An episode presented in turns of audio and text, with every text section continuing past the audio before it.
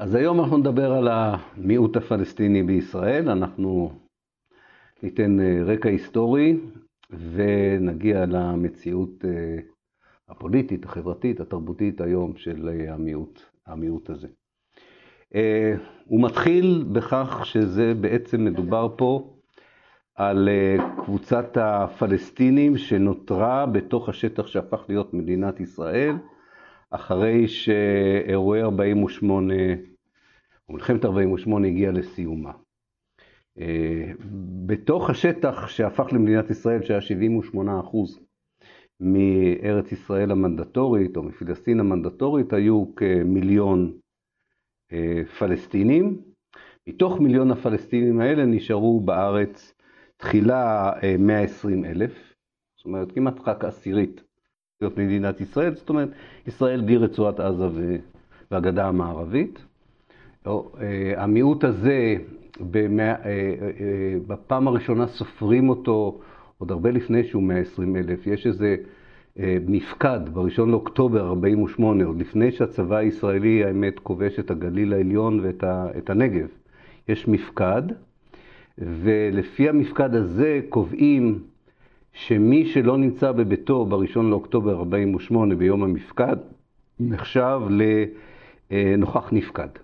מה זה נוכח נפקד? זאת אומרת שיכול להיות שהוא פיזית בתוך השטח שהפך להיות מדינה יהודית, אבל הוא לא נמצא בביתו, אבל כן ביתו לא שלו. הבית מועבר למה שלימים יהיה הממונה על אה, אה, נכסי נפקדים, האפוטרופוס.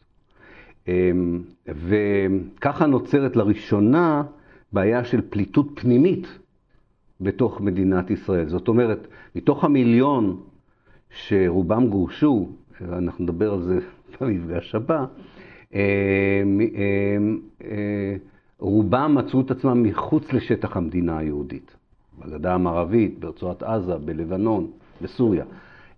אבל הייתה גם בעיית פליטים בתוך מדינת ישראל. זאת אומרת, אנשים לא נמצאו בבתיהם בראשון לאוקטובר. למי זה היה חשוב במיוחד? למחלקת ההתיישבות של הסוכנות היהודית, ליוסף וייץ, לאנשי הקרן הקיימת, משום שברגע שהוכרז על שטח מסוים כשטח אה, נטוש, או ככפר נטוש, עוד לפני שהייתה חקיקה מסודרת ולפני שהיה נוהל מסודר איך הרכוש הזה הופך להיות רכוש יהודי או פרטי או ציבורי, כבר המחלקת ההתיישבות של, הסוכ... של... מחלקת ההתיישבות של הסוכנות, יחד עם הקרן הקיימת, עודדו אה, אנשים להתיישב בכפר. אתן לכם דוגמה, למשל, על אה, אה, קיבוץ נחשולים, שיושב היום על אדמות הכפר טנטורה. הכפר עצמו נכבש במאי, 21 במאי 48', אנשיו גורשו. כבר באמצע יולי 48' מגיע הקרעין להקים את קיבוץ נחשולים, ודיברנו על כך, אם אתם זוכרים, דיברנו קצת על זה במפגשים הקודמים, או שדיברתי עם מישהו אחר, אז במפגשים קודמים, אני כבר לא זוכר מי דיברתי על זה, אבל אה, אנשים ישבו בבתים של התושבים הערבים, הרגישו מאוד לא בנוח עם זה, אז הם ביקשו לצאת מזה החוצה, ובנו את הקיבוץ קצת רחוק יותר. זאת אומרת, בהתחלה היו בונים, זה קרה בצורעה, זה קרה במגל, זה קרה בהרבה מקומות אחרים. התיישבו בהתחלה בבתי הכפר, או מה שנשאר, רוב הכפרים האלה נהרסו, אבל נשארו בתים, אחר כך הרגישו לא בנוח, זזו הצידה. אה, בכל מקרה, המיעוט הערבי בישראל, אפשר לקרוא לזה ככה, קודם כל, המכה הראשונה שהוא מקבל זה המכה של הסקר הזה של אוקטובר, שמפריד בין אה, נפקד לתושב. עכשיו, תושב, זה, זה, זה יקרה שנתיים אחר כך, זה הם עוד לא ידעו, אף אחד עוד לא ידע.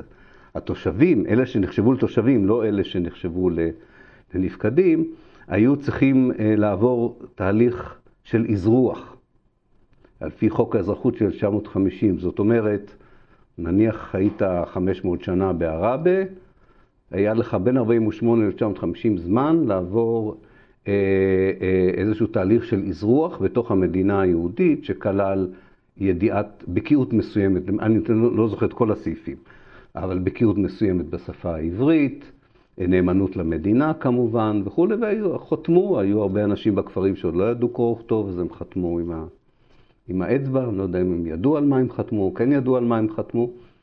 אה, אה, אבל... הצליחו 120 אלף להישאר. רגע, שנייה אחת, נגיע לזה.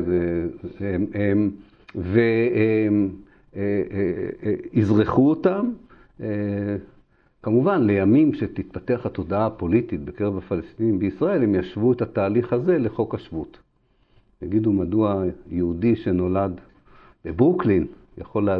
הופך כבר לאזרח ישראלי בברוקלין, מבלי להוכיח בקיאות בשפה העברית, מבלי לחתום על אה, נאמנות למדינה, אבל זה עוד לא היה בתודעה שלהם. זאת אומרת, זה לא מה שהפריע להם, הפריע להם העניין של, של הצורך אה, להגיע לנאמנות. אמרתי 120 אלף בהתחלה, הם גדלים די מהר ל-160 אלף משתי סיבות. אחת זה שאחרי לחץ אמריקאי גדול מאוד, בעיקר, בעיקר אמריקאי, שישראל תתיר את שיבתם של הפליטים, וישראל עמדה בלחץ הזה, למרות שארצות הברית הטילה עליה סנקציות על כך שהיא סירבה לאפשר לפליטים אה, לחזור. אה, אה, ישראל הסכימה להחזיר 25 אלף פליטים מלבנון במסגרת איחוד משפחות.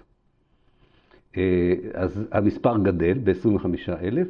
הגידול השני קורה בקיץ 49 בעקבות הסכם שביתת הנשק בין ישראל לירדן, האזור שאנחנו מכירים אותו כוואדי עארה, שהיה חלק מהגדה המערבית, לפי עד לאותו רגע, מועבר מהגדה המערבית לישראל אה, בהתאם להסכם אה, שביתת הנשק. ישראל מאיימת על ירדן בפעולה צבאית, אם היא לא תיתן לה את החלק הזה. ישראל רצתה את זה בגלל כביש ואדי עארה, שאתם מכירים אותו, שמקשר את עפולה לחדרה.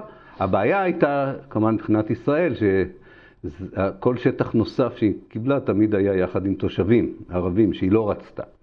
אז גירשו חלק מהתושבים, חלק לא קטן, תושבי ואדי ערה גורשו לגדה המערבית בין 48 ל-50, אה, אבל אה, אה, לא כולם, כמו שאנחנו יודעים, כי האוכלוסייה שם גדלה. היה מבצע, נדבר עליו אולי קצת יותר מאוחר, מבצע חפרפרת ב-56, הייתה, הייתה איזו תוכנית מגרה לגרש את כל תושבי ואדי ערה בחסות מבצע סיני, אה, שלא יצא לפועל, באופן אבסורדי בגלל הטבח בכפר קאסם. לפעמים אה, דבר נורא רע מוביל לדבר קצת פחות נורא. זאת אומרת, אנחנו לא יודעים מה היה קורה אם לא היה טבח בכפר קאסם, אם לא היו מנצלים את המלחמה, כאילו, שהייתה בין ישראל למצרים 56. בכל מקרה, כשאנחנו מגיעים ל-1949-50, יש כבר 160 אלף תושבים ערבים במדינת אה, ישראל. אה, שאלת שאלה טובה, מדוע, אה, מדוע הם נשארו והשאר הפכו לפליטים? אין לנו תשובה טובה כללית. זאת אומרת, המגמה הייתה לסלק את כולם.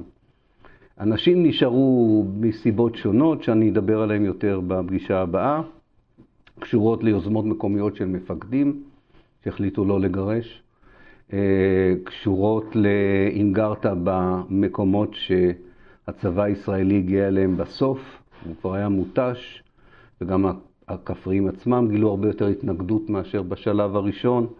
אה, גם זה מסביר. אה, ואדי ערה למשל, לא הצליחו לכבוש את ואדי ערה כי היה שם צבא עיראקי מאוד אה, נחרץ, אז ניסו לכבוש את ואדי ערה ולא הצליחו כמה פעמים. כך שאין אין, אין איזה הסבר גלובלי, לא אמור, בחברה הערבית היה, הייתה איזו היסטוריה שבעל פה שאמרה, לא, שאמרה שהחליטו להשאיר נוצרים ולא מוסלמים, זה לא נכון. זה לא נכון, זו לא הייתה מדיניות כזו. אה, רצו כמה, ש... כמה שפחות ערבים, כמה שיותר שטח. זה מאוד אופייני לתנועות. לא הייתה להם העדפה לנוצרים בכלל? אה, לא. אה, לא, לא, באותו, לא באותו, באותו זמן, אנחנו מיד נגיע לזה, אנחנו מיד נגיע לזה. אז אם כך, ב-48' מתחילה להתגבש מדיניות ברורה יותר כלפי המיעוט הערבי. יש בעצם שתי אסכולות בתוך האליטה הפוליטית הישראלית. אחת מוביל אותה משה שרת, נתמך על ידי איש, אנשים כמו מרטין בובר, אולי באופן מפתיע גם מנחם בגין, ואישים אחרים בציבוריות הישראלית, אפשר לקרוא לזה כך,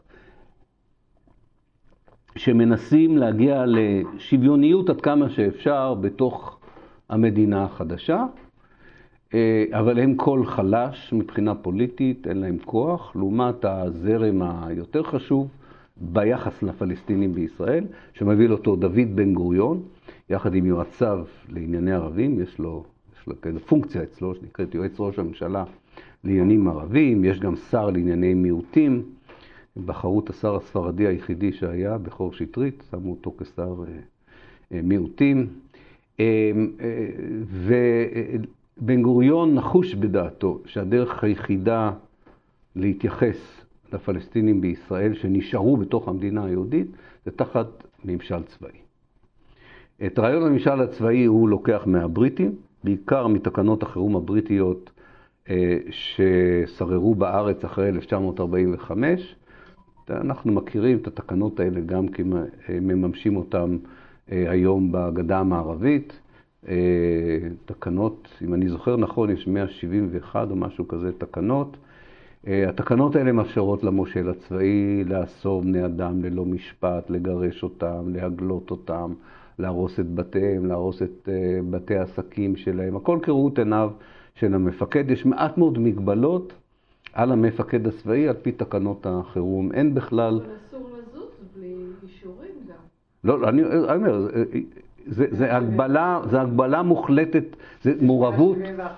כן, זהו. זה, זה, זה כולל, את צודקת, זה כולל אה, אה, אה, חופש תנועה, חופש התארגנות, חופש הבעה. אין.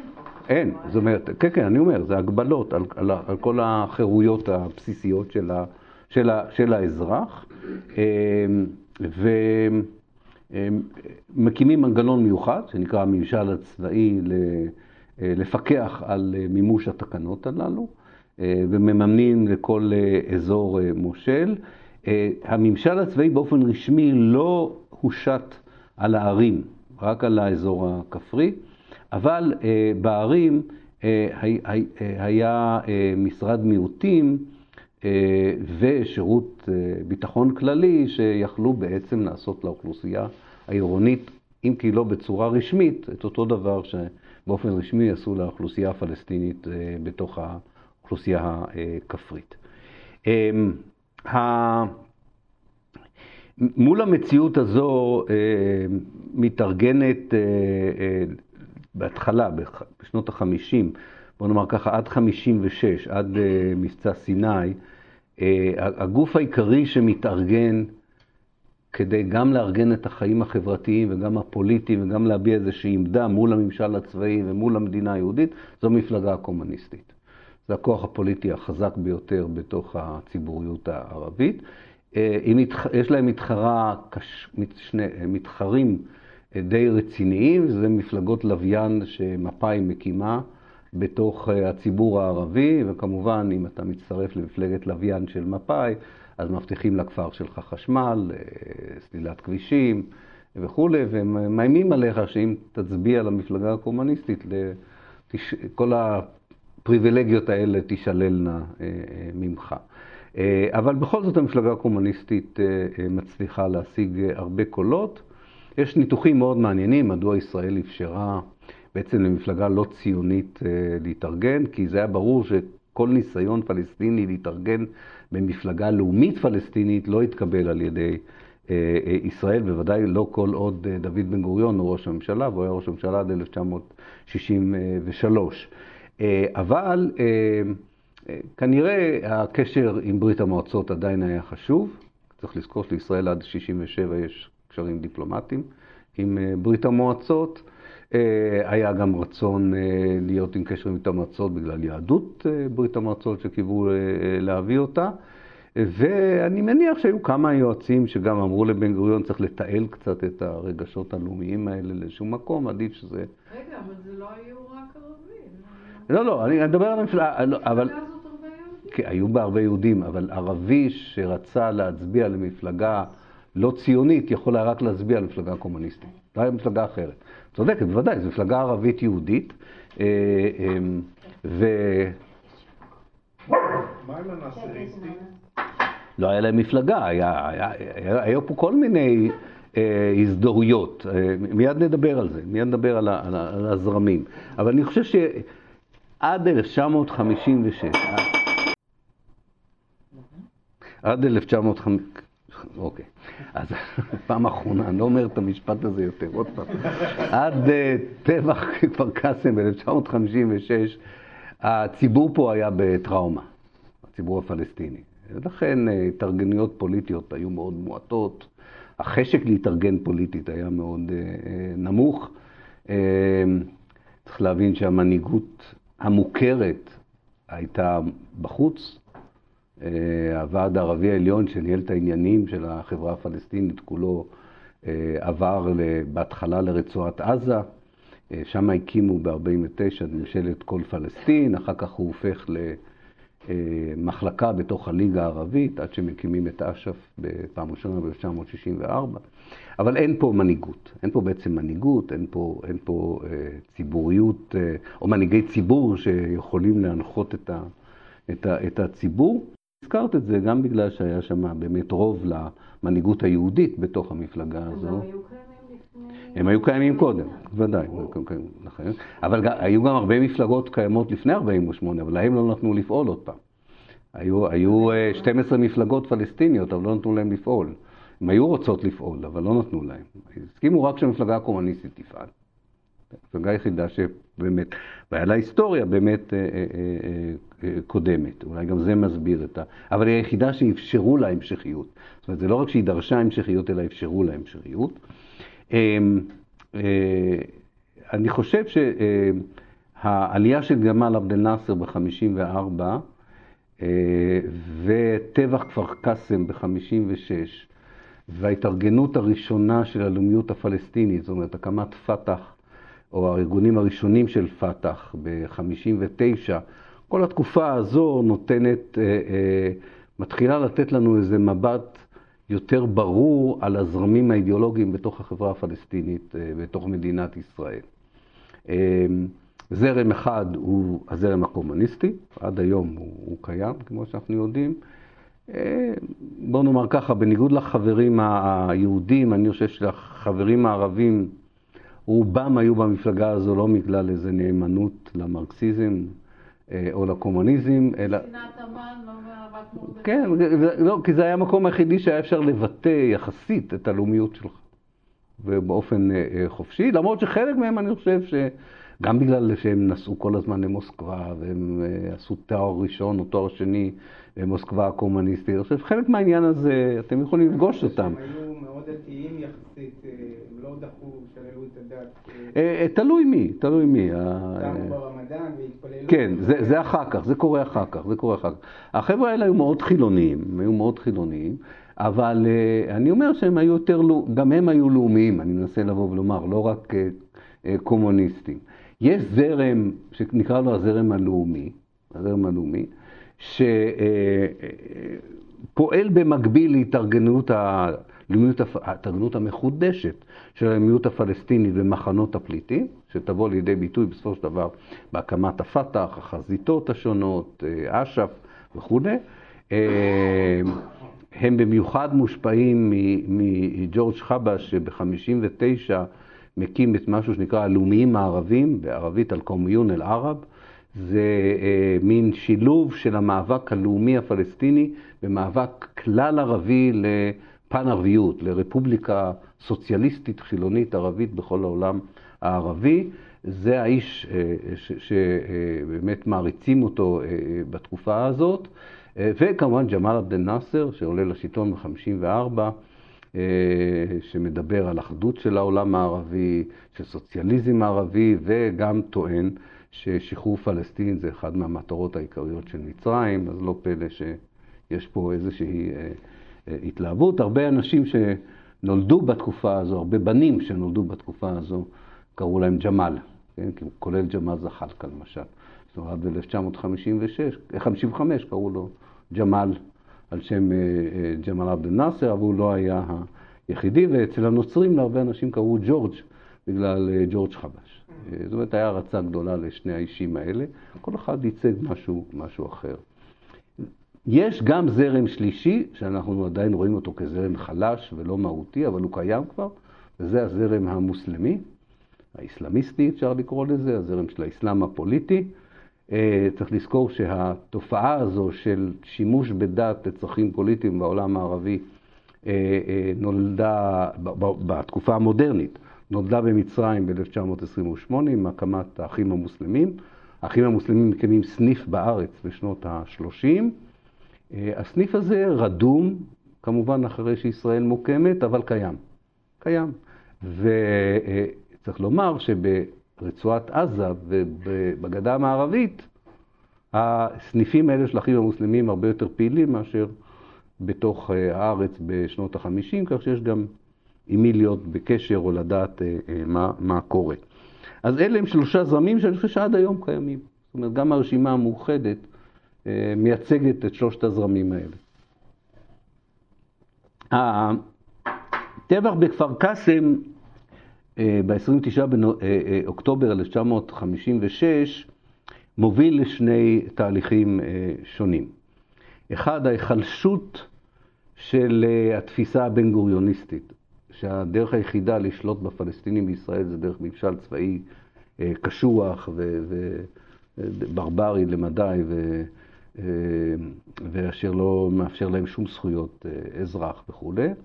ובאמת הזרם הזה הולך ונחלש, והקואליציה שדורשת את ביטול הממשל הצבאי, אמנם רק תצליח לעשות את זה ב-1966, אבל היא מתחילה לצבור אה, תאוצה. זאת אומרת, יש לה, יש לה תמיכה אה, הולכת וגוברת בציבוריות הישראלית. מעניין, ב-59' בן גוריון ממנה ועדה של השב"כ, בראשות אה, רטנר, שהשב"כ מודיע לו שאין צורך בממשל הצבאי, והוא אומר, אני לא סומך על הדוח הזה, הוא מחליט בכל זאת להמשיך את הממשל הצבאי. זאת אומרת, גם אחרי שהשב"כ הודיע שאין שום צורך בממשל הצבאי, בן גוריון לא מדיע. אתן לכם דוגמה, בן גוריון היה מסתובב אה, בתקופה שהוא לא היה ראש ממשלה, היה איזה שנה וחצי שהוא לא היה ראש ממשלה, כששרת היה.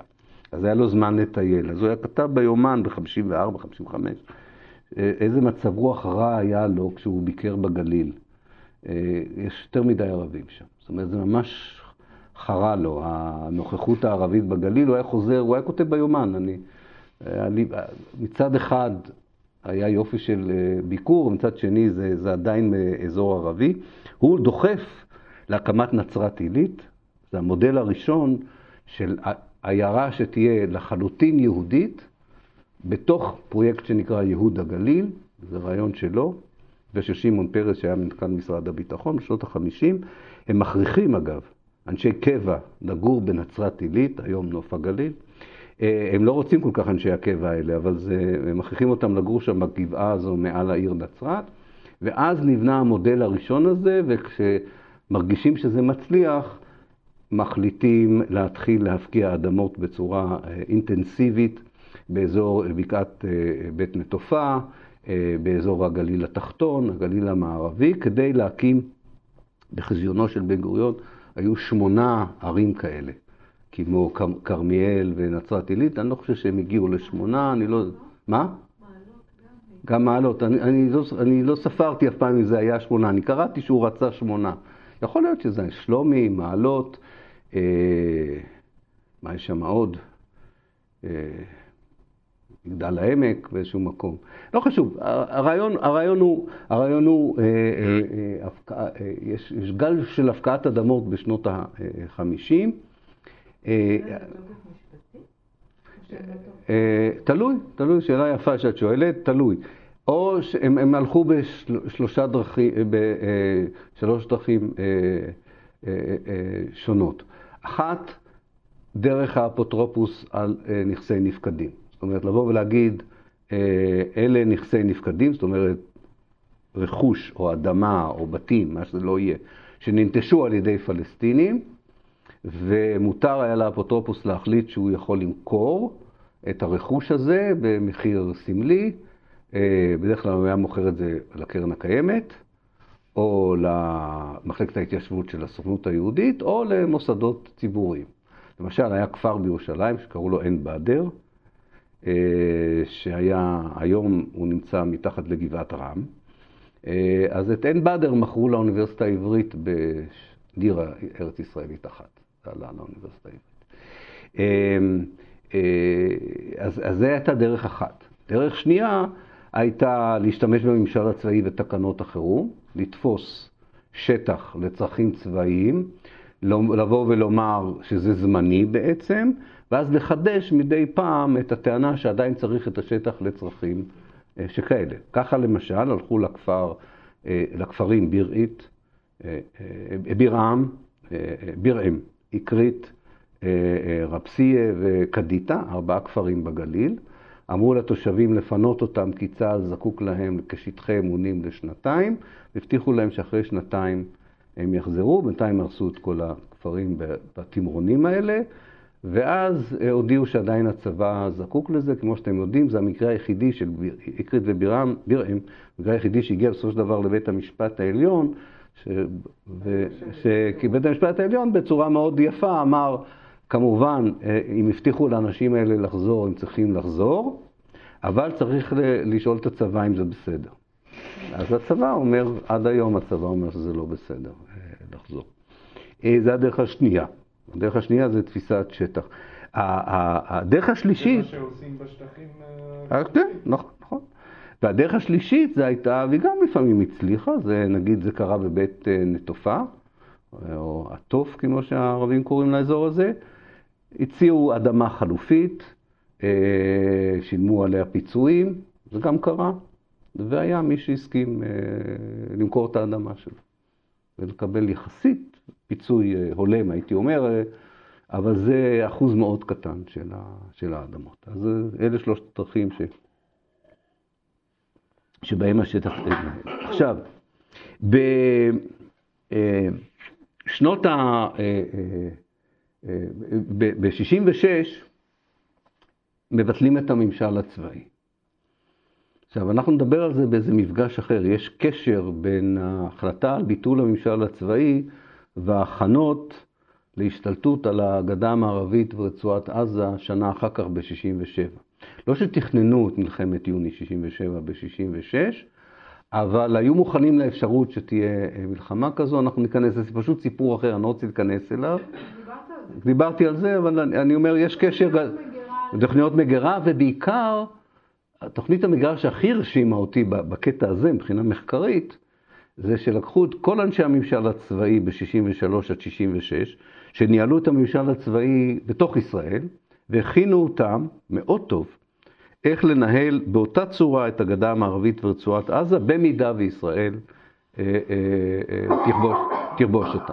הייתה תוכנית, תוכנית שחם קראו לזה, מיכאל שחם, או מיכה שחם, היה משה, ראש הממשל הצבאי האחרון בישראל. אז זה גם תרם להחלטה שצריך להתחיל לחשוב איך לסגור את הסיפור הזה של הממשל הצבאי. לכן מסיבה, מבחינות, אז אמרתי, זה תהליך, תהליך אחד שקרה בעקבות טבח כפר קאסם, זה התהליך שאותו תיארתי עכשיו. מדיניות ישראלית שחותרת לנהל את החיים של האזרחים הערבים לא דרך ממשל צבאי, אלא דרך אה, אה, שיטות אחרות, שעוד רגע ניכנס אליהן. והתהליך השני שקרה אה, הוא שהפלסטינים ב, אה, בישראל, אחרי טבח כפר קאסם במיוחד, מתחילים לייצר אלטרנטיבה למפלגה הקומוניסטית, אלטרנטיבה רצינית יותר, אה, ו... אה, גם האסלאם הפוליטי מתחיל אה, להתחזק. מי שמתחיל להיעלם זה המפלגות הלוויין הציוניות. זה מתחיל להיות משהו שלא מקובל על מרבית אה, האוכלוסייה. יש גם החלפה דורית כבר, מתחיל להגיע דור, דור אחר. הסיפור הידוע ביותר בזרם הלאומי, שאתם בוודאי מכירים אותו, הוא סיפור על ארד ב-59, ניסיון של צעירים פלסטינים להקים, קודם כל להוציא עיתון בשם על ארד, אחר כך להקים מפלגה אה, בשם אל-ארד, שאגב, דורשת לחלק את הארץ לפי החלטת החלוקה. דורשת לחלק את הארץ לפי החלטת החלוקה. זו הייתה המצע שלהם. אה, אה, הממשל הצבאי סוגר את העיתון, מכריז על ההתארגנות הזו כלא חוקית, הם הולכים לבית המשפט, הם מסרבים לקבל את הכרעת בית המשפט, חלק מהם יושב בכלא לתקופות מסוימות, אבל הם מוצאים מחוץ לחוק. מתוך הקבוצה הזאת תקום אחרי 66 הקבוצה שנקראת בני הכפר, שמתוכה צמחה בסופו של דבר בל"ד, מפלגה שקוראים לה בל"ד. זאת אומרת, יש פה גניאולוגיה של הזרם הלאומי, שאפשר לראות אותו באמת צומח מארגון לארגון לארגון, והיכולת שלהם לתפקד תלויה לא רק ביכולת הארגונית שלהם, אלא גם במידת הנכונות של השלטון הישראלי לתת לזרם הזה אה, אה, התארגנות. בדרך יש עוד כמה התארגנויות חצי לאומיות. אתם ודאי זוכרים את עבד אל-והאב דראושה, שמקים איזו מפלגה לאומית ערבית אה, באכסל, שמקבל לראשונה איזו רשות לרוץ בתור מפלגה קצת יותר לאומית, ויש את המפלגה שמתי פלד הקים מחמוד הווארי, אה, מחמוד מיערי, הרשימה מתקדמת לשלום, שאחר כך מצטרפת לתוך בל"ד. זאת אומרת, יש יש פה זרם מאוד ברור, שאני חושב שגם היום זה הזרם שהכי אטרקטיבי לדור הצעיר הפלסטיני. הזרם הזה אומר, אנחנו חלק בלתי נפרד מהלאומיות הפלסטינית, אנחנו חלק בלתי נפרד מהעם הפלסטיני, והמצפן שלנו זה המנהיגות הלאומית הפלסטינית. יש משבר גדול אחרי הסכם אוסלו. כי עד הסכם אוסלו המצפן הלאומי הפלסטיני זה אש"ף, זה יאסר ערפאת, זה פת"ח, יש איזו תחושה של אה, ידיעה לאן הולכים. אחרי אוסלו יש בלאגן גדול, יש גם אה, אה, התפצלות בתוך המנהיגות הפלסטינית, ויש איזו בעיה שהצד הטוב שלה, שנוצר איזה סדר יום יותר ברור לאומי פלסטיני מקומי, שאיכשהו מנווט בין אנחנו חלק מהעולם הפלסטיני והחזון שלו, אבל בינתיים יש לנו גם חזון שלנו, שב-2006 אפילו אזרחי. יוצא, אזרחי, שנקרא מסמכי החזון, בסופו של דבר זה יוצא ב-2006. אה, עזמי בשארה, שתמיד היטיב לבטא ולנסח את הדברים האלה יותר טוב מכולם, הסביר בעצם כבר בשנות ה-80, הוא אמר מה שאנחנו מבקשים זה מצד אחד לאומיות פלסטינית בתוך מדינת לאום פלסטינית בשטחים, לצד מדינת כל אזרחיה, אה, שהיא היום מדינת אה, ישראל. אה, זה, זה זרם שצומח באמת כתוצאה מהמשבר של 56-59. המפלגה הקומוניסטית היא עדיין הכוח החשוב ביותר עד 1976. עד 1976 היא היא עוברת תהליך של ערביזציה, אם אפשר לקרוא לזה, או לאומיזציה, אני לא יודע איך לקרוא לזה יותר טוב. כתוצאה מיום האדמה? כתוצאה מיום האדמה. וכל מה שמוביל ליום האדמה. אה, ישראל ב-1969 עד 1976 מתחילה בשלב השני של ייהוד הגליל. זה כבר לא בן גוריון, זה כבר אה, שרי מפד"ל, אה, שרי הפנים של המפד"ל, וגם ממשלת רבין הראשונה, אה, והרעיון הוא להרחיב את שטח העיירות הראשונות שהוקמו בשנות ה-50, אה, להקים, נכנס המושג החדש למצפה, המצפים, הרעיון של להקים אה, מצפים, אזורים תעשייתיים, כל זה דורש עוד קרקע, עוד ועוד קרקע, וב-1975 לראשונה בעצם זה די רטרואקטיבי, זה מאוד מעניין. מה שגרם ליום האדמה זה הכרזה רטרואקטיבית על הפקעות שכבר היו בחלקם. אבל בציבור הערבי ראו את זה גם כתוכנית להפקעות נוספות. אני חושב שעד 75 כבר הפקיעו כמעט את כל מה שרצו לקחת. אבל הייתה, הייתה מין הכרזה כזו שיפקיעו עוד אדמות, יפקיעו עוד אדמות. ואז קורה משהו מאוד מעניין למפלגה הקומוניסטית, היא מתפצלת באיזשהו מקום. היא התפצלה גם כאן, לא רציתי להיכנס לזה, אין לי זמן גם. אה, התפצע כמה פעמים בדרך, מ-48 עד 75, אה, אני לא אכנס לכל ההתפצלויות, מאוד אופייני למפלגות קומוניסטיות. אה, אבל ב-75 יש התפצלות יותר משמעותית, לבין קבוצה שמוביל אותה תרפיק זיאד, ראש עיריית נצרת, שבעצם הופך את המפלגה למפלגה הלאומית הפלסטינית הישראלית, די שוכח מכל הסיפור הקומוניסטי, די שוכח מברית המועצות, זה כבר לא מעניין אותו כל הסיפור הזה. אה, והוא אה, רואה במאבק על הקרקעות, על האדמות, את המאבק העיקרי של הפלסטינים בישראל, מקים את הוועד להגנת הקרקעות, עוזר להקים יחד עם ראש העיר האגדתי של שפרעם, אה, לא אכנס לשם שלו עכשיו, את פעם ראשונה את ועד הרשויות הערביות. זאת אומרת, לקראת 75, מעבר לשלושת הזרמים האידיאולוגיים, יש איזו התארגנות על של המנהיגות. כמעט הייתי אומר, חוזרים לוועד הערבי העליון של תקופת המנדט, יש פה איזה ועד ערבי עליון, או ועד פלסטיני עליון, שמורכב מראשי רשויות, מחברי כנסת אה, אה, וכולי, והוא מוביל את המאבק ב-76.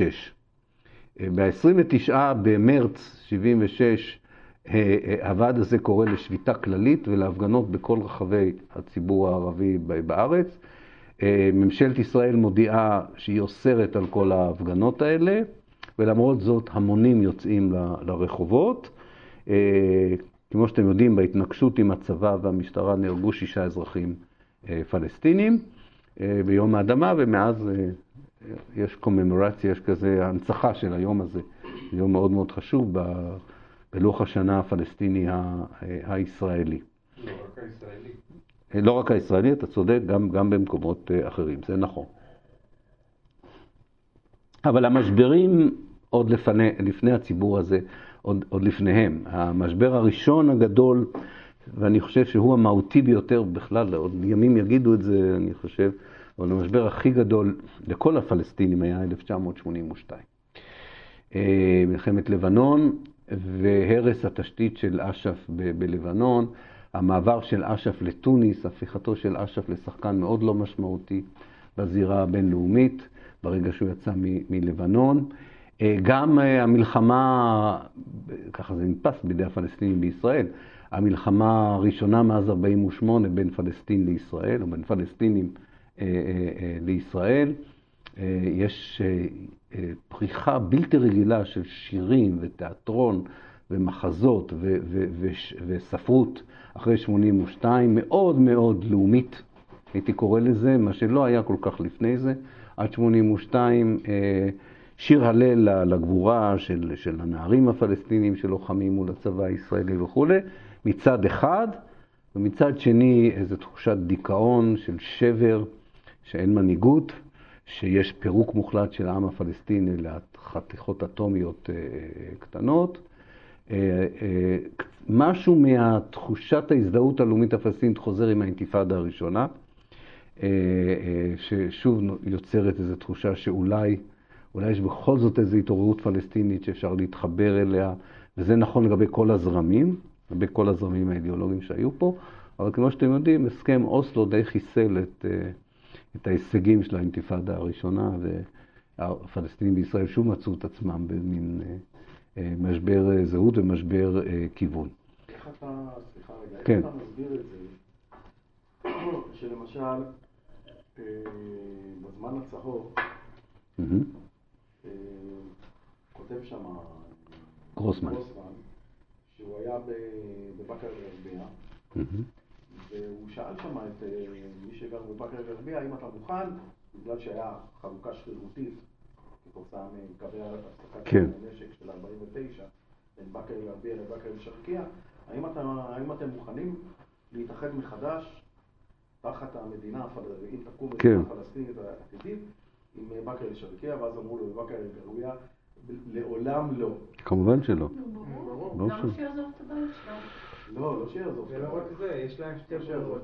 לא. טוב, אה, אה, אתם יודעים מה, אנחנו נפתח את הדיון, תנו לי רק לסיים, תנו לי רק לסיים את הסקירה ואז נפתח את זה. אה, אבל צריך להבין שהמשברים האלה שאני מדבר עליהם ב-82, ב-87 ובאוסלו, קורים על רקע חיים אורגניים בתוך מדינת ישראל. זאת אומרת, הפלסטינים בישראל מרגישים, ודי בצדק, שהם בונים את המדינה הזו לא פחות מהיהודים. שהם משלמים מיסים לא פחות מהיהודים. הם לא זוכים לזכויות שוות. ושהם אה, בונים פה משהו שמבחינתם, לכן עזמי בשארה, אמרתי, הוא המנסח הטוב ביותר של התחושה הזו, שאם רוצים להגיע לפיוס, זה, זה, זה הבסיס של העניין הזה, אתם רוצים להגיע איתנו, נחלתם לנו בארץ, גירשתם חצי מהעם שלנו, הרסתם חצי מהכפרים שלנו, אתם רוצים להגיע איתנו לפיוס?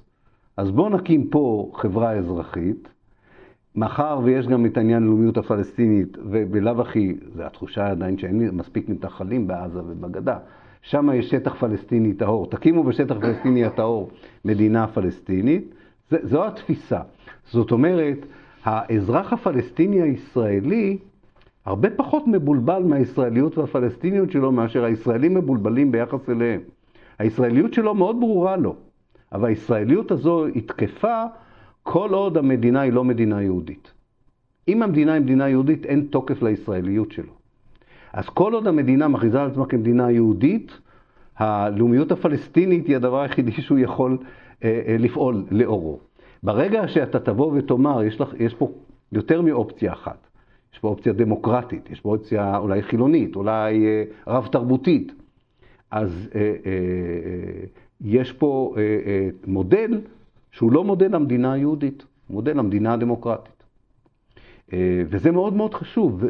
כמיעוט, תפיסת הדמוקרטיה, תמיד אצל המיעוט תפיסת הדמוקרטיה הרבה יותר חזקה מאשר תפיסת הרוב.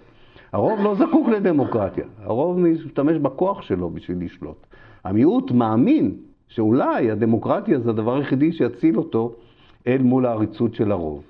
ואם אתה מסתכל במצעים אה, ששתי הקבוצות היותר חילוניות, הזרם האידיאולוגי הקומוניסטי והזרם האידיאולוגי הלאומי, הדמוקרטיה זה ערך עליון.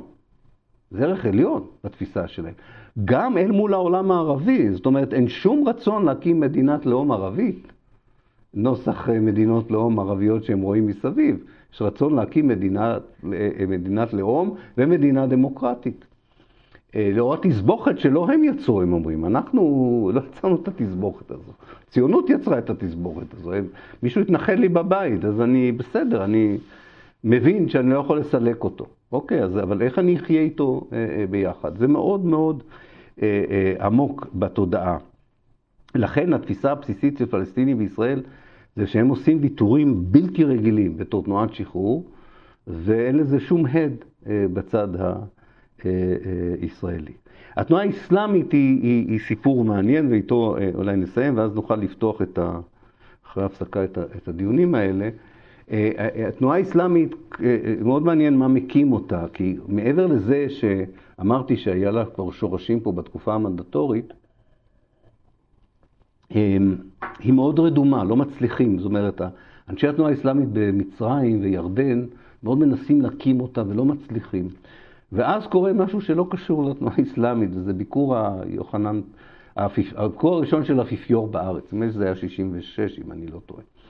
כן, מגיע האפיפיור, והצירים הנוצרים, לא יודע אם אתם יודעים את זה, כולם מתנדבים לנקות את הכפרים לקראת הביקור של, ה, של הפאפה. ונוצר פה איזה מודל שמאוד אה, ככה מרגש, הייתי אומר, את הצירים, הצירים המוסלמים. והאנשים שכבר שנים מנסים להקים פה אה, תנועה אסלאמית ולא מצליחים, אומרים, או, oh, יש פה איזה מודל, ואחרי הביקור שלו גם צריך לנקות. אז הם אומרים, לא, אנחנו ננקה. והם מקימים מחנות נוער של אה, נוער מוסלמי, שמנקה את הכפרים ואת הערים, וזה יוצר תנועה עממית, זו תנועת נוער עממית אסלאמית.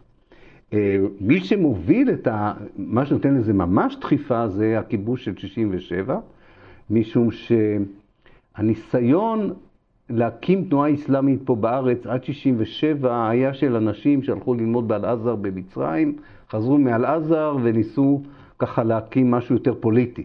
זאת אומרת, היה פה מוסדות אסלאמיים, אבל לא פוליטיים.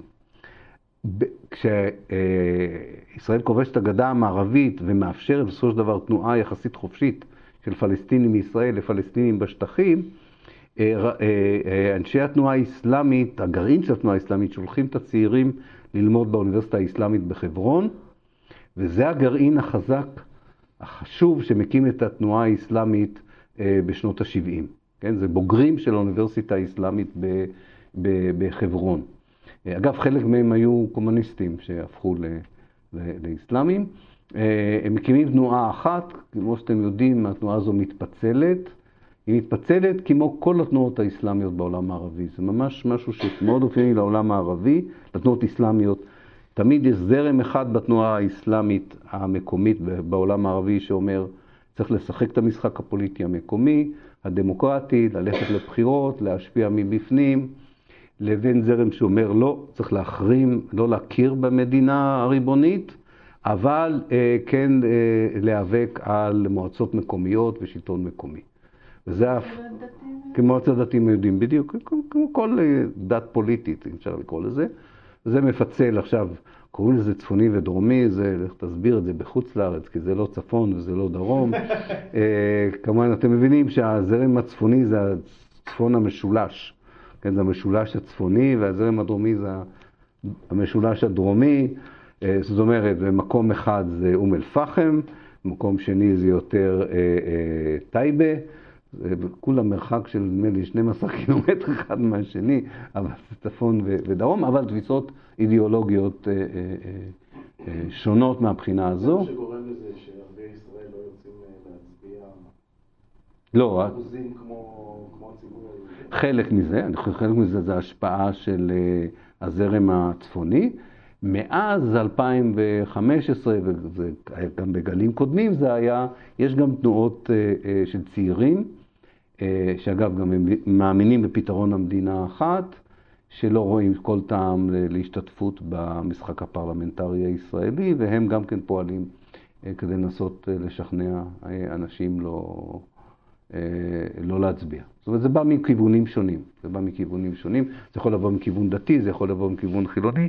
זה משהו שאולי, ובזה אני אסכם באמת, אנחנו לא לגמרי יודעים לאן ה... הדור הצעיר הפלסטיני הישראלי הולך. אנחנו באמת לא יודעים, כי א', זו חברה מאוד צעירה. חברה מאוד מאוד צעירה, החברה הפלסטינית הישראלית. זה יותר צעירה מהחברה היהודית, הרבה יותר צעירה מהחברה היהודית.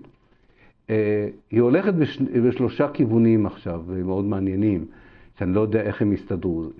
יש אה, הרבה יותר אה, צעירים שרתומים לפעולה פוליטית. הייתי קורא לזה התנגדות תרבותית. באנגלית זה נקרא culture resistance. מאוד מאוד חזק היום בציבוריות הצעירה הפלסטינית. כן, כן. אה, וזה יכול לבוא לידי ביטוי בפעילות אה, ביום הנכבה אה, שמזכיר את 48', בבניית מודלים של כפרים שהיו, בניית מודלים של כפרים שיהיו כאשר הפלסטינים יחזרו. פעילות שהיא במסגרת חזון כזה של מדינה אחת, של זכות השיבה, של אסרטיביות לאומית אה, פלסטינית, תמיכה ב-BDS, בהחרמה של ישראל.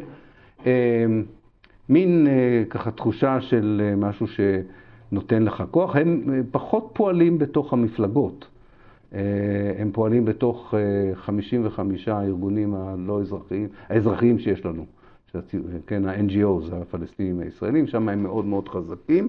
לפעמים הם עושים מעבר, דמויות ידועות עושים מעבר מעולם החברה האזרחית לעולם המפלגות, כמו חנין זועבי, כמו היבה יזבק. זה קורה לפעמים שהם עוברים זה, אבל רובם דווקא לא רוצים לעבור למשחק הפוליטי. זה כיוון אחד. כיוון שני הוא כיוון שאפשר לקרוא לו, הם קוראים לזה גם, הכיוון של הנורמליזציה, של התדבי. לא רוצים לשמוע על פוליטיקה, לא רוצים לשמוע על זהויות, לא רוצים לשמוע על מאבק לאומי, רוצים פשוט לחיות אה, שומעים את זה בשירה של ההיפ-הופ, שומעים את זה ב... אני לא זוכר את כל הזרמים המוזיקליים שישנם אצל הצעירים הפלסטינים, אבל תלכו למועדון לילה בנצרת וברמאללה, אתם תשמעו את השירים האלה. אה, לא שנבין משהו. לא, אפשר, תבוא איתי, אז אני, אני, אני אתרגם לך. אה, אבל זה שירים מאוד מעניינים, זה, זה שירים של, של הוויה כזו שאומר, כן, תנו לנו לחיות את ה... זה מה שמעניין אותנו, זה הנורמליות. אה, אה, לא כל כך מעניין אותנו איך משיגים את זה, יותר חשוב לנו איך להשיג את זה. יש כמובן ביקורת חריפה של הקבוצה הראשונה על הקבוצה השנייה. אה, התנועה האסלאמית, זה הדבר השלישי, היא במשבר והיא לא במשבר. היא במשבר כי קודם כל היא יוצאה מחוץ לחוק, התנועה הצפונית. זה כבר לא עוזר. דבר שני, היא גם לא השיגה הישגים מרשימים, בסופו של דבר. לא ברמה המוניציפלית, לא ברמה הלאומית. אה, ברגע שאתה, you don't deliver, אז המניות שלך יורדות, זה לא יעזור. החילוניות הפלסטינית לא סיפקה את הסחורה, ואז עלתה הפוליטיקה האסלאמית. כי היא אמרה, אז אנשים אמרו, כמה אנשים לא מאוד דתיים, אמרו בוא ניתן להם. בוא ניתן להם צ'אנס, כי החילוניות אכזבה אותנו. אבל גם האסלאם הפוליטי לא במיוחד מצליח, לא ברמה הלאומית ולא מוניציפלית, אבל עדיין, במיוחד באזורי אה, עוני ומצוקה, והם רבים בחברה הערבית, אני לא יודע כמה מכם מודעים לרמת העוני בחברה הערבית, רמת אה, האבטלה, אה, רמת החינוך הירודה. שם עדיין הדת, דרך התנועה האסלאמית, שהיום פועלת לא כמפלגה, אלא ארגון שנקרא איקרא, וארגונים שנקראים המועדונים התרבותיים האסלאמיים, משמשת אבן שואבת שנותנת בכל זאת איזשהו מזור גם לתחושת הקיפוח, גם לעוני, גם ל... וגם פועלת במסגרת שתמיד האסלאם ידע לפעול בו, כמו ש"ס, גם הצדקה, דרך מערכות הצדקה שמחליפות את מערכות המדינה שלא מספקות את הסעד. אז בכל זאת יש איזו אה, אה, רשת של סיוע, סיעוד, הייתי אומר, רשת ציוד מאוד חזקה אה, שהתנועה האסלאמית אה, אה, מקיימת אותה, ולכן היא עדיין כוח שחייבים לחשוב עליו. שלוש, יש בעצם פה שתי, ובזה אני אסיים ממש, שתי מציאויות, שלוש מציאויות בעצם שונות, אני לא יודע בדיוק איך הן מתחברות. אחת זה המציאות של המפלגות.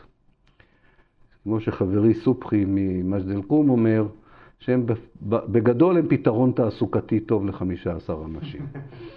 אה, אה, וחלק מהאנשים מרגישים קצת ככה לגבי העניין הזה. זאת אומרת שזה אה, פתרון תעסוקתי כמובן לא רק ל-15 חברי כנסת, כי לכל חבר כנסת יש שני יועצים, ויש נהג, ו... זאת אומרת, זה, זה פתרון תעסוקתי, זה עולם, אני רואה בעולם חשוב, כי אני גם מכיר אישית את האנשים האלה, ואני חושב שהם מאוד נבונים, ואני חושב שהם מאוד מעניינים. ואני חושב שהם מאוד חשובים, והציבור היהודי יהיה חייב לחיות איתם ולהבין אותם ולמצוא איתם פתרון, גם, גם איתם, גם איתם צריך למצוא פתרון, אבל הם לא, הם לא הדבר היחידי שישנו.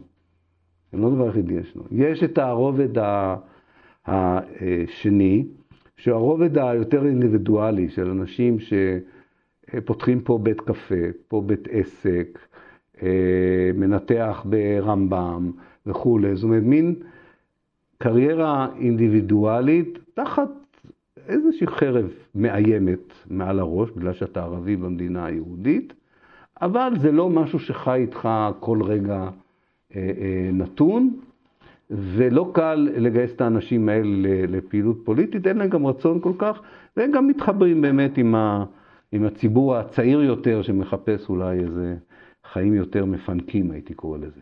ויש את הרובד השלישי, שהוא הרובד המעניין, זה ההתארגנויות באמת הצעירות האלה שדיברתי עליהן, יש להם שפה משלהם, אה, זה לא השפה שחברי הכנסת הערבים מדברים בה, זה שפה של חזון של מדינה אחת, של שחרור לאומי, של אה, אה, באמת תפיסה, קבוצה גם מאוד אקדמית, באמת מאוד משכילה. קוראת הרבה על קולוניאליזם התיישבותי, על דקולוניזציה וכולי, בגלל האינטרנט היא הרבה יותר חזקה ממה שהיא הייתה. זאת אומרת, עד לאינטרנט הקבוצה הזו הייתה מבודדת. היא לא יכלה הייתה כל כך אה, להיפגש עם קבוצות דומות. היום היא, היא לגמרי מחוברת, אה, והתפיסה שלה היא לא אתנוצנטרית, היא, היא לגמרי, אה, עולם הרפרנס שלהם זה קבוצות של צעירים ערבים וצעירות ערביות בכל העולם הערבי. זאת אומרת, החזון שלהם הוא לא ממוקד בארץ, הוא ממוקד בעולם הערבי, בערביות החדשה, כמו שהם רואים אותה, אה, שבאה לידי ביטוי אומלל לפעמים באביב הערבי, אבל הוא לא נגמר. אה, והם שם נמצאים. זה גורם להם, כמו שאחד מהם אומר, בכל רגע נתון אני מסתכל על אזרח יהודי, אני אומר, מסכן, הוא מיעוט. הוא מיעוט, בעולם שלי הוא מיעוט. אני חלק מעולם של 100 מיליון, 300 מיליון אנשים, הם מיעוט. אני אצטרך להתייחס אליהם בסופו של דבר יפה, כי הם מיעוט. יש, זה לא איזה מין תרגיל פסיכולוגי, זה תחושה אמיתית. זו תחושה אמיתית, כי אני אומר שוב, גם האינטרנט, אגב, לא רק האינטרנט. העובדה שישראל, ואלוהים יודע למה, אלוהים כן יודע למה, אבל בכל זאת זה מעניין, דוחפת את הפלסטינים ללמוד בג'נין, דוחפת אותם ללמוד בנג'אח, דוחפת אותם ללמוד בביר זית, היא לא רוצה אותם באוניברסיטאות הישראליות, דוחפת אותם לעשות עסקים כל סוף שבוע אה, בשטחים.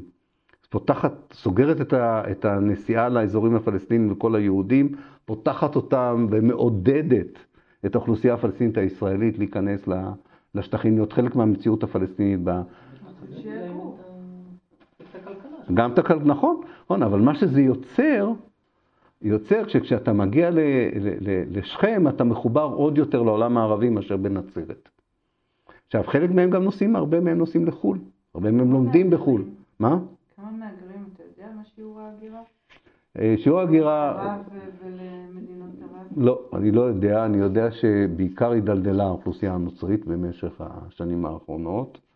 אה, ההגירה היא רצינית, אני חושב שהיא היא, היא בסביבות אה, חצי אחוז לשנה, אני חושב שכל הפלסטינים, זה מה שראיתי, או אחוז, קרוב לאחוז אולי, אני יכול לבדוק את זה, אני לא יודע, את העניין הזה. אבל זה מאוד מעניין, זה לא רק הגירה, זה גם שיבה בחזרה. זה גם שיבה בחזרה. אנשים עוזבים ודור שני שלהם חוזר לפעמים. אה, או אם לא חוזר, צריכים להבין היום שהעולם הוא הרבה יותר לימינלי. זאת אומרת, אני מכיר כל כך הרבה פלסטינים צעירים שנולדו אפילו להורים מעורבים, אפשר לקרוא לזה ככה, הם מבלים חצי מהזמן פה. אז הם לא חזרו, אבל הם גם לא עזבו.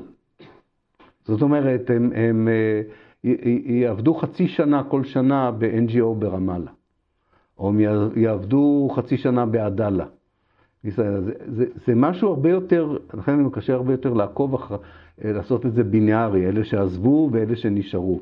זה כבר הרבה יותר נזיל, זה הרבה יותר אה, אה, נזיל, זה הרבה יותר אזורי, זה הרבה יותר כללי, זה הרבה יותר דמוקרטי, זה יותר עובד על זכויות אדם וזכויות אזרח מאשר על זכויות אה, לאום, צריך לומר את זה.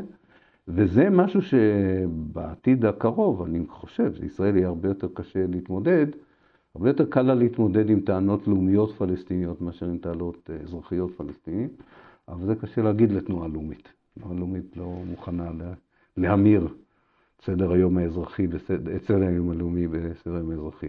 אני אספר לכם סיפור שאולי לחלק, רויטל מכירה אותו, רק כדי להסביר כמה, בזה אני אסיים, כמה הסיפור הזה הישראלי ביחס לפלסטינים, אפילו לפלסטינים עצמם לא כל כך מובן, לא יודע אם כבר סיפרתי לכם את הסיפור הזה, שאני הייתי בג'נין בערב פסח, סיפרתי לכם את הסיפור הזה? לא, הייתי בג'נין בערב פסח, אה, אה, נתתי הרצאה באוניברסיטה האמריקאית, אחר כך באוניברסיטה הפתוחה של ג'נין, עשיתי סיום מחנה הפליטים, חזרתי עם שני חברים פלסטינים מהגליל, והגענו ממש ברגע האחרון לפני שבפסח סוגרים, יש סגר. וממש ברגע האחרון לפני שהחיילים עמדו לסגור את, ה, את המחסום. עכשיו, החייל לוקח את שלושת התעודות זהות שלנו, אה, אין, אין התנחלויות, לא יכולתי להשתמש ביהודי בתירוץ שאני משתמש תמיד, אני אומר להם, ביקרתי התנחלות דולב, אז הם שואלים אותי את מי ביקרת, אני אומר את ברוך גולדשטיין, בסדר, הכל בסדר, או בדוד בן גוריון, איזה שם שאתה אומר עובר בשלום במחסומים, אני, אני הגעתי אפילו לתיאודור הרצל וזה עבר. אמ, אבל שם אני לא יכול להגיד את זה, כי, כי אין, אין, באזור ג'נין אין אה, מאז... היה, היה, אבל אין, אין. לא? כן, אז לא, לא, זאת אומרת, זה ברור שהייתי בשטח פלסטיני, הייתי בשטח פלסטיני, אין שום סיכוי שהייתי בשטח BOC. אבל מה, זה ערב פסח, החייל רוצה הביתה, החליט שאילן זה שם ערבי נפוץ, ואומר, יאללה, אה, תיסעו. חבר, אחד החברים הפלסטינים שלי, שלא מבין את האפרטהייד הישראלי עד הסוף, אומר, חושב שזה יזרז, הוא אומר לך, לא, לא, הוא יהודי, הוא יהודי. חייל אומר לו, אידיוט, אני יודע שהוא יהודי, מה אתה אומר לי את זה? תצאו מהרכב, יוציא, עיכב אותנו שעתיים. רק בגלל שהפלסטיני הזה לא הבין איך האפרטהייד הישראלי עובד. זה מחסום שאם פלסטיני ישראלי יכול לעבור ויהודי ישראלי לא יכול לעבור. כן, לא לג'למה זה היה יותר השני. ברטה. לא ברטה, נו, שם... מה? כן, זה הסלם, זה הסלם. סלם, סלם, סלם. כן, לא, זה לא הסלם. ג'למה כנראה, ג'למה. אה, למה? כי היהודי שעובר הוא... אסור לו. שטח, אסור לנו להיכנס לשטח A. להיכנס לשטח. גם להיכנס. אם אתה יוצא, סימן שהיית בתוכו. לא, לא מעניין אותם שאתה נכנס, לא, מעניין אותם... היום גם, כן, ניסית? כן. כן. אה, אבל אם אתה... האמת שהייתי כמה פעמים בשטח A שאתה יוצא הם לא אומרים כלום. תלוי, לפעמים לא אומרים כלום, לפעמים... אה, לא, גם, גם, אני אומר, שטח A שהוא... אנחנו התחלנו את ההפסקה. כן. כן,